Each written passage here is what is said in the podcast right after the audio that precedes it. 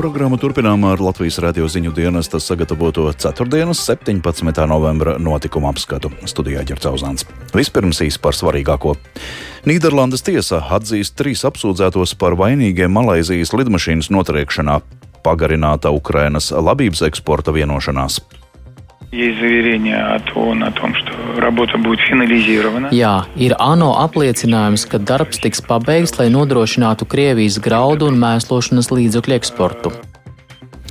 Sagaidot Latvijas dzimšanas dienu, skolēni noliek ziedus pie brīvības pieminekļa un novēl, lai Latvijai piepildās visas vēlēšanās. Mēs noliekam ziedus, ziedus un atcerēties visus karavīrus. Atcerēties visus karavīrus. Atcerēties visus. Un šodien atvadāmies no aktrises Veltas Kurstenes. Gribu pateikt, no apstājieties drusku, ieklausieties vairāk viens otrā un samīļojiet viens otru. No nopājājiet to plecu. Varbūt, ka viņam drusku sāp.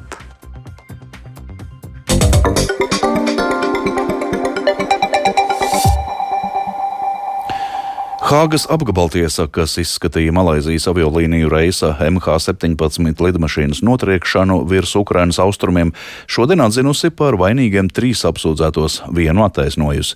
Starp notiesātajiem ir bijušais kaujinieku komandieris Igors Girkins un divi viņam pakļautie kaujinieki Sergejs Dibinskis un Leonīts Harčenko.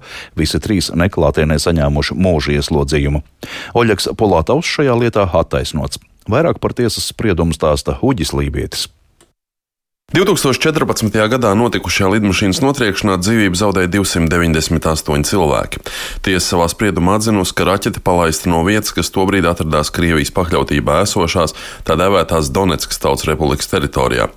Sākotnējais mērķis ir bijusi Ukrainas gaisa spēku lidmašīna, taču apsūdzētie ir zinājuši, ka uzbrukums jebkurā gadījumā novedīs pie cilvēku upuriem.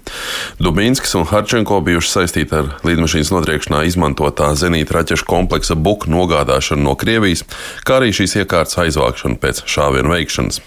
Vienlaikus tiesa lēmusi, ka kopējā MH17 upuriem izmaksājumā kompensācija pārsniedz 16 miljonus eiro. Hāgas tiesas spriedumu atzinīgi novērtējis Ukrainas prezidents Volodimirs Zelenskis, uzsverot nepieciešamību vainīgos reāli saukt pie atbildības, jo nesodāmības sajūta var novest pie jauniem noziegumiem. Krievijas ārlietu ministrija paziņojusi, ka tā ir pirms plašāka komentāru sniegšanas nepieciešams rūpīgi izpētīt spriedumu tekstu. Vienošanās, kas ļauj Ukrainai eksportēt labību pa Melno jūru un kuras mērķis ir mazināt globālo pārtikas nedrošību, ir pagarināta uz vēl 120 dienām, jeb 4 mēnešiem. Par to šodien paziņoja Turcijas, Ukrainas un Krievijas amatpersonas. Bet Krievija šodien turpināja apšaudīt Ukrainu ar raķetēm un triecienos ir vairāk cietušie. Plašāk stāsta Rihards Plūme. Labības vienošanās, kas tika parakstīta Stambulā 22. jūlijā, bija spēkā līdz 19. novembrim. Tagad vienošanās būs spēkā vēl 120 dienas pēc šī termiņa. Vienošanās paredz labības un citas pārtikas eksportu caur trīs Ukrainas ostām. Par vienošanās pagarināšanu sākotnēji paziņoja Ukrainas un Turcijas amatpersonas. Vienošanās tikusi pagarināta saskaņā ar pašreizējiem noteikumiem. Arī Krievija vēlāk apstiprināja, ka atļāvusi labības labības vienošanās pagarināšanu bez izmaiņām. Pēdējo nedēļu laikā Krievija vairāk kārt brīdināja, ka varētu nepiekrist vienošanās pagarināšanai, jo nav īstenots arī jūlijā parakstītais atsevišķs līgums, kas atbrīvo no sankcijām Krievijas mēslošanas līdzekļu eksportētājus. Kā skaidrojas Kremļa runas vīrs Dmitrijs Peskovs, Krievijas bažas tikušas kliedētas, tādēļ tā piekritusi pagarināt vienošanos. Jā, ir ANO apliecinājums, ka darbs tiks pabeigts, lai nodrošinātu Krievijas graudu un mēslošanas līdzekļu eksportu. Šim ANO darbam ir rezultāti tika izplatīts ASV, apvienotās karalistes un Eiropas Savienības kopīgs paziņojums, kas attiecas uz Krievijas pārtikas un mēslojuma eksportētāju izstāšanos no sankciju režīma. Tā ir svarīga pozitīva attīstība. Šis darbs tiks pabeigts, lai pilnībā atbloķētu visas tiešās un netiešās problēmas, kas stāv ceļā. Krievija pirms dažām nedēļām pēc uzbrukuma Krievijas Melnās jūras flotes karakuģiem Krimā paziņoja, ka uz nenoteiktu laiku aptur dalību labības darījumā, tomēr pēc tam piekrita atjaunot dalību līgumā. Vēlāk Krievija sāka bremzēt labības koridora darbu, tādēļ veidojās kuģu rindas. Ukraina ir pasaulē lielākā graudu eksportētāja, bet Krievijas atkārtotā iebrukuma un ostu blokādes dēļ sūtījumi tika pārtraukti.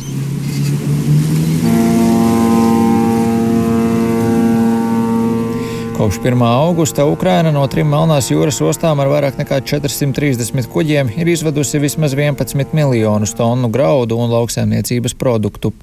Pozitīvo ziņu par vienošanās pagarināšanu gan ir nomākusi kārtējā Krievijas raķešu apšaude, ko tā īstenojusi šorīt. Gaisa trauksme tika izsludināta visos Ukrainas apgabalos. Zināms, ka triecienā Dnipro ievainoti vismaz 14 cilvēki. Sprādziena brīdi video reģistratorā fiksēja arī kāds autovadītājs. place. Vismaz četri cilvēki miruši Viļņānskas pilsētā Zaporīžas apgabalā. Izmantojot strateģiskās aviācijas lidmašīnas, Krievija šorīt izšāvusi 18 spārnotās raķetes. Uzbrukts arī ar Irānas bezpilota lidaparātiem. Vairākos apgabalos darbojās pretgaisa aizsardzība. Kā pavēstīja Ukrainas bruņoto spēku gaisa spēku pavēlniecības pārstāvis Jurijs Ihnats, ienaidnieks mērķēja pa gāzes ieguves objektiem un aizsardzības uzņēmumiem Dnipro apgabalā. Turklāt raķetes raķetes trāpīja ziemeļos, centrālajos reģionos. Šī rīta uzbrukumu komentējis arī Ukrainas prezidents Valdemirs Zelenskis. Щойно відбулася чергова російська терористична атака зранку. Desmitki raķetu. Nu pat noticis kārtējais Krievijas terorakts. No rīta desmitiem raķešu, un civilie objekti ir galvenais mērķis.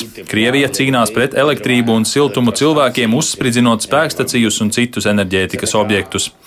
Tāda tagad ir ikdiena Ukrainā, Krievijas terora dēļ. Tāpēc mēs pieliekam tik daudz pūļu, lai no mūsu partneriem iegūtu modernas pretgaisa aizsardzības un pretreķešu aizsardzības sistēmas. Enerģētikas ministra pirmais vietnieks Jurijs Vlasenko izteicies, ka Krievijas uzbrukuma mērķis ir apturēt Ukrainas atomelektrostaciju darbību un galvenie triecieni īstenoti apakšstacijām. Rihards Plome, Latvijas radio. Krievijas spēki arī šodien turpināja raķetēm apšaudīt Ukrainas teritoriju, trāpot gan dzīvojamām mājām, gan kritiskajai infrastruktūrai. Arī šoreiz triecieni bija vērsti pret elektroapgādes objektiem.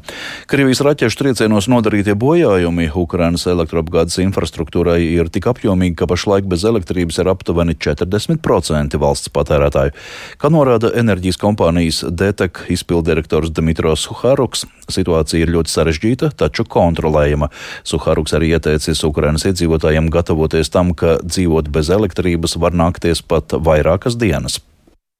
А от зовсім ми зараз будемо, на жаль, говорити не про планові включення. Pašlaik mums, diemžēl, ir jārunā nevis par plānveida elektrības atslēgumiem, bet gan par plānveida elektrības pieslēgšanu. Tas notiks atsevišķos reģionos, kuru, diemžēl, ir ļoti, ļoti daudz. Mums ir arī jāatzīst, ka daudz viet pašlaik mēs varam runāt tikai par ļoti īslaicīgu elektrības pieslēgšanu. Maksimums tās būs divas līdz trīs stundas diennaktī. Це 2-3 години максимум.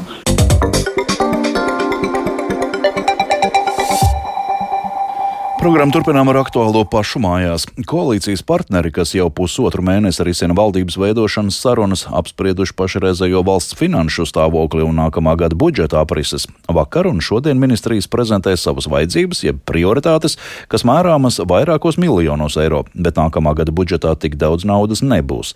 Vai no kādām prioritātēm un kurām potenciāli būtu nākamā gada budžetā jāatsakās, skaidro Linda Zalāne.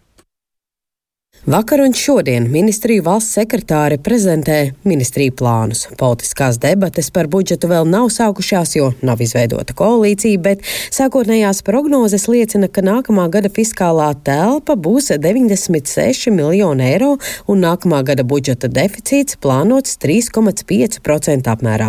Šī gada budžeta deficīts sasniegs 7%.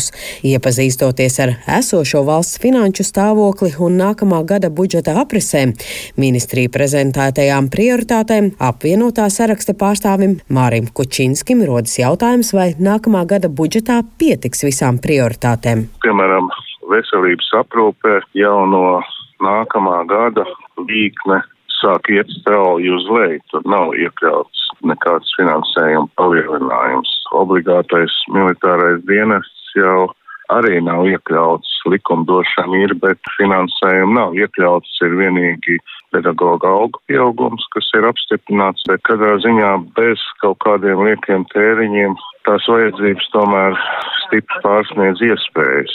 Kopā valdībā mums ir vajadzīgas tādas ģenerāls sarunas par to, kā mēs to darīsim kur mēs samazināsim un uh, cik tālu vēl var atļauties vispār budžeta deficītu palielināt. Arvils Ašerādens no jaunās vienotības pauž, ka runāt par nākamā gada budžeta aprasēm ir pāragri, jo šobrīd situācija ekonomikā ir dinamiska, ir jāmaina ekonomikas izaugsmes prognozes, un tas tiešā veidā ietekmēs arī nākamā gada budžeta apjomu. Izejot no šī attiecīgi nozīmē budžeta korekcijas, tā kā būtu pāragri spriest par šo. Mums tātad jāredz viss laukums kopā, tad jāredz kādu politiku vēlās veidot partijas, kas atbild attiecīgām nozarēm un attiecīgiem ministri, un tad jāliek kopā visu valdības deklarāciju. Nu, tas ir diezgan komplicēts politisks audums. Pedagoģa darba algas ir iekļauts šobrīd prognozēs attiecībā uz valsts aizsardzības dienestu, cik nebija iesniegts šādas prognozes, tas vēl nav iekļauts, bet nevienam nav šaubu, ka tāds tiks veidots un arī memorandā ir parakstīts. Nu, pirmajā pusgadā tās tiks izveidotas. Aizsardzības ministrs Artis Pabriks partija apvienības attīstībai par līderis teica, ka viņam nav šaubu, ka nākamā gada gada budžetā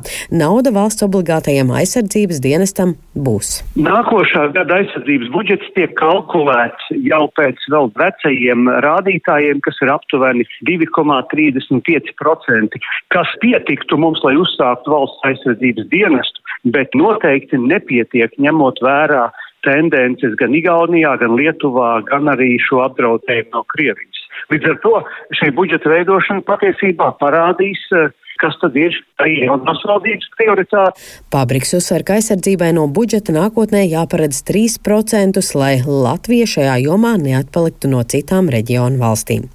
Arī ekonomikas ministre Ilze Hindriksone no Nacionālās apvienības, kuras partija piedalās koalīcijas veidošanas sarunās, uzsver, ka par bažām, ka nākamā gada budžetā nepietiks kādām prioritātēm, ir pāragri runāt un svarīgi ir valdības deklarācijas rakstīšanas procesā vienoties par svarīgākajiem valsts attīstības mērķiem. Un jāprioritizē visi pasākumi, jo, kā mēs visi apzināmies, tad prioritārajos pasākumos tā nozaru ministriju vēlme darīt vienmēr ir lielāka par iespējām. Tas, man liekas, būs tas sarežģītākais, un tas process arī būs tas izšķirošais, cik ātri mēs nonāksim pie rezultātu, jo valdības deklarācijas procesā nekad nav iespējams detalizēt vienoties jau par kaut kādām budžeta sadaļām noteikti. Bet uh, sarunas tieši par fiskālām iespējām un par, varētu teikt, nāk nākamā budžeta plāna veidošana bija ļoti konstruktīva. Manuprāt, arī ļoti atklāta, izdiskutējot gan tos rāmjus, gan tās iespējas, gan arī tās iespējamās atkāpes no stingriem ierobežojumiem, kas noteikti ir drošība kā prioritāte. Jāpiebilst, ka potenciālie koalīcijas partneri jau pusotru mēnesi risina valdības veidošanas sarunas, un līdz ar to visticamāk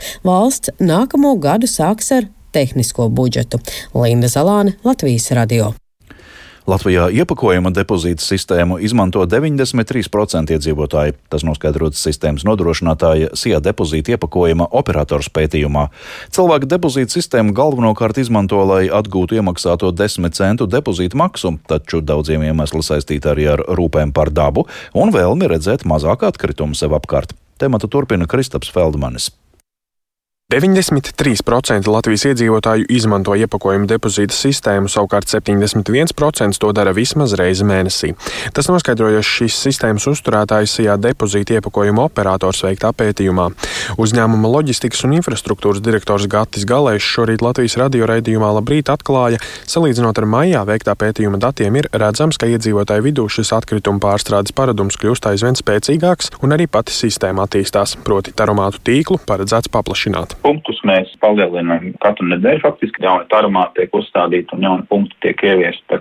Patreiz pat sistēmā ir vairāk kā 1400 depozītu pieņemšanas vietas, ja, nu, un 1060 tarumāti ir uzstādīti. Nu, līdz gada beigām mēs plānojam, ka varētu vēl aptuveni 40 tarumātus uzstādīt. Un nākamajā gadā tas būs vairāk vai mazāk tāds dabīgs process, nu, kad kāds veikals aizvērsies, kaut kur mēs demontēsim, kāds veikals atvērsies, kaut kur mēs uzstādīsim jaunu, bet uh, tādas būtiskas lielas izmaiņas tarmāt skaitā nākamgad mēs neplānojam vairāk. Tas tīkls principā ir jau nostabilizēts. Uzņēmuma depozīta iepakojuma operators pārstāvis Gatis Galais arī skaidroja, ka sistēma saskaras ar atsevišķām problēmām. Piemēram, iedzīvotāji mēdz sūdzēties, ka atsevišķās manuālajās taras pieņemšanas vietās taru nav izdevies nodot. Kā mums paši tirgotāji teikuši, nu tad viena ir šī problēma, ka viņiem nav ko glabāt. Tagad ir apkurss sezona sākusies un ko mums ir pieminējuši, nu, ka viņiem ir šī glabāšanas vieta šobrīd ir aizņemta ar malku elementāri. Ja? Nu, šeit mēs atsevišķi individuāli veikliem runājam un risinām šāds jautājumus, nu, lai organizētu biežāku izvešanu, lai viņiem nav jāuzglabā lielāks apjoms. Rīgas ielās uzrunātie iedzīvotāji ar depozītu sistēmu ir apmierināti un izsaka vien nelielas atsevišķas sūdzības. Tajā apkārtnē, kur es dzīvoju, ir viss kārtībā. Sākumā tur bija grūti aprast, kā ar to pudeļu sistēmas. Tur, nu, tur jālaiž iekšā vai kas, bet nu, tur, tur ir laikam mazliet tas, ka tur ir kādreiz tās pudeles ir saspiestas. Tad viņš tur neņem pretī, viņš sarunājās. Tevi, tā, kā, bet tā, tā ziņā viss ir ok. Piebrauc ar mašīnu, ja kāds varbūt tās ir rīkās, kas, nu, kas atbrauc kaut kur nu, ar maisu, tad, nu, tad paiet laiks. Bet tā principā viss ir ātri, pozitīvi. pozitīvi jā. Pagaidām manas prasības apmierina. Pieredze visai skopa. Bet cik esmu dzirdējis vai novērojis no malas, tad uh, smaka bieži vien ir. Nu, tajā mūsējā ir baigi bieži rindas, tāpēc, ka nu, tur laikam ļoti daudz liekas. Nu, diezgan smirdēt, nesmirdēt, jo tur tīri nu, darbinieki īstenībā ļoti ātri visu izvāc. Es pat esmu nogras, es nejūtu nekādas nesmakas, un es esmu ļoti apmierināta. Tas ir ērti, tā ir zaļā vide, un es ieteiktu jebkuram visu šo izmantot. Savukārt uzņēmuma veiktajā pētījumā atklājies, ka 59% respondentu sistēmu izmanto, lai atgūtu iemaksāto 10 centu depozītu, un ap 40% ir tādu, kuriem svarīgas ir rūpes par vidi un prieks par to, ka mazāk atkritumu nonāk dabā. Kristaps Feldmanis, Latvijas radio.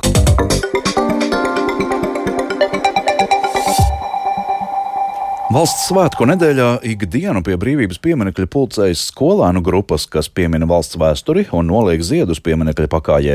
Latvijas radio pie pieminiekļa aprunājās ar Rīgas valda zālīšu sākuma skolas skolēniem, ko trešklasnieki novēl Latvijai un kā atzīmē 18. novembri plašāk Lindas Spundiņas ierakstā.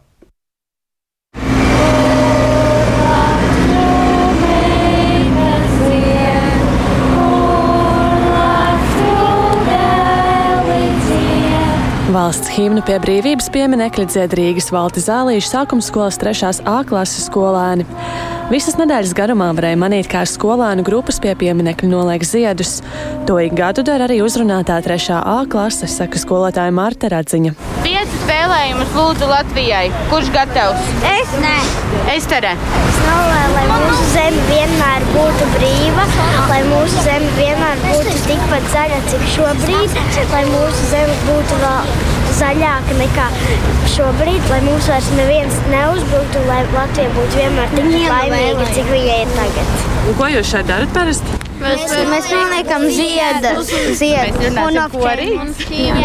Ko jums nozīmē atnākt pie brīvības pieminiekta? Atcerēties visus karavīrus. Atcerēties visus karavīrus. Atcerēties visus ze, mūsu zemes aizstāvjus. Atcerēties visus, kur Latviju brīvu. Kā jūs sagaidīsiet valsts svētkus? Es ar ģimeni braukšu rīt uz brāļa kapiem, nolikt arī ziedus tur. Tā ir ģimenes tradīcija. Mm. Mēs katru gadu, jo tētis tur ar, saviem draugiem iet gājienā. Es noteikti braukšu noliktam pie manas mammas, opija un omas puķas, jo viņiem nodzīvoja diezgan ilgi. Es noteikti svinēšu ar saviem vecākiem un ar visu ģimeni. Mēs noteikti ar mūsu ģimeni brauksim te uz brīvības pieminiektu noliksim ziedus un kā katru gadu brauksim uz Itālijas pāriest. Svinīgs vakariņas jums ģimenes ir, ja? Mums ir tradīcija tā, ka mums ir, mēs dzīvojam dzīvokļu mājās pretējās, un mums visi iet uz pagalmu un liekas vecs strāplī, un tad uh, arī dzied himnu, un uh, tad mēs ejam augšā un ēdam svētku vakariņas. Mēs uh, paņemsim sarkanbaltās sveces un iedegsim. Ko jums nozīmē Latvija un tās dzimšanas diena? Šī arī ir mana dzimtene, un uh, es nekur nebūtu tik laimīga kā šeit Latvijā. Latvija ir mana dzimtene. Es Latvijā esmu piedzimis, tā ir mana mīļākā valsts, un nekur nav labākā Latvijā. Mums ir tik skaista valsts. Viņa nav cik liela, bet uh, es tāpat viņu mīlēšu visu laiku. Latvija man nozīmē daudz, ko es tur piedzimu. Tā ir mana valsts, un tā ir mana valoda, burti un draugi. Lai Latvijai piepildās visas vēlēšanās! Līna Spundiņa, Latvijas radio.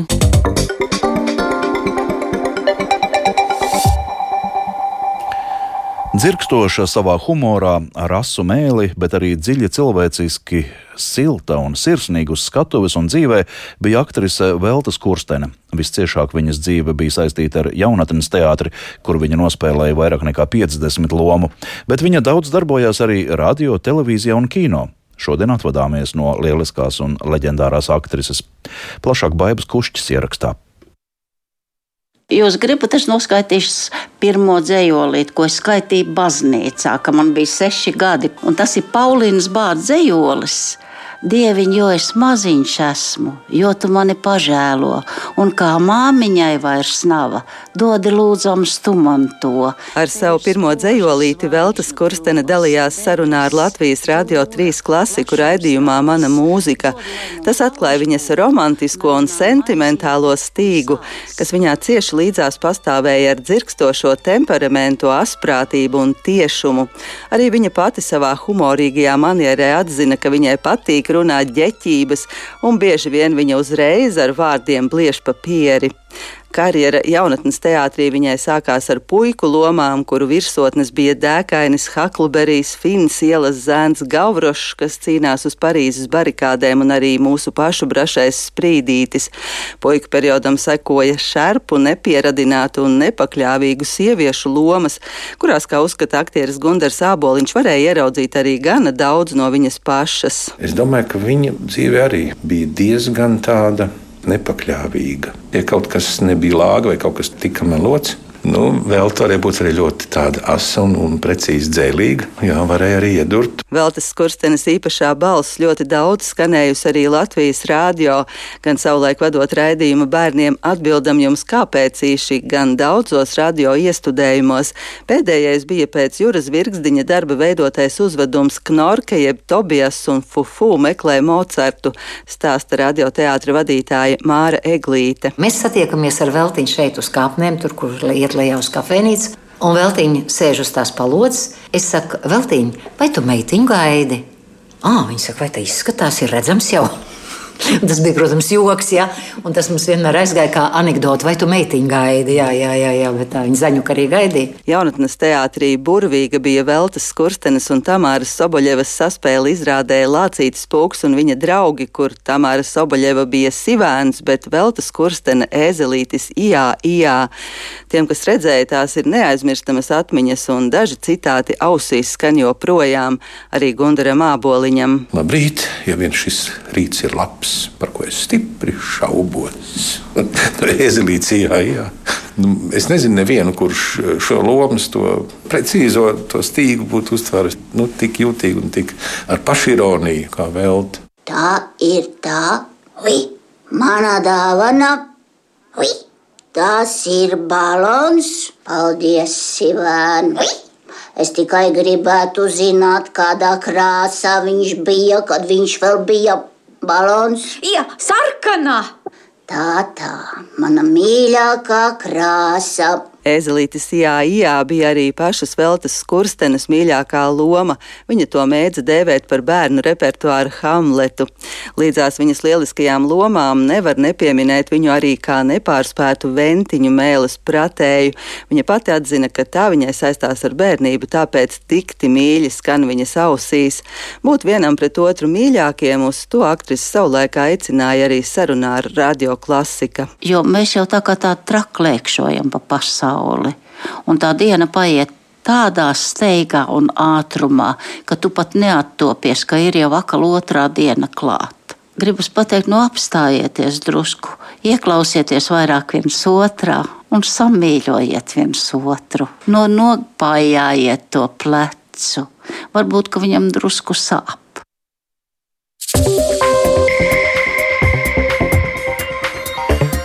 Izskan 4. 17. novembra notikuma apskats producents Viktors Pupiks, par labskaņu rūpējās Rita Karnača un Renārs Šteimanis, studijā Ģercauzāns. Vēl par svarīgāko - Nīderlandes tiesa atzīst trīs apsūdzētos par vainīgiem Malaizijas lidmašīnas notriekšanā. Pagarināta Ukrainas labības eksporta vienošanās. Sagaidot Latvijas dzimšanas dienu, skolēni noliek ziedus pie brīvības pieminekļa un novēl, lai Latvijai piepildās visas vēlēšanās. Šodien atvadāmies no aktrises Veltes Skurstenes. Mūsu ziņām var sekot līdzi arī Latvijas radio vienas Facebook lapā un sabiedrisko mediju portālā LSMLV. Raidījuma atkārtojums meklējams raidierakstu platformā kā dienas ziņas, un Latvijas radio lietotnē mūs var klausīties savā vietā, jebkurā laikā un vietā.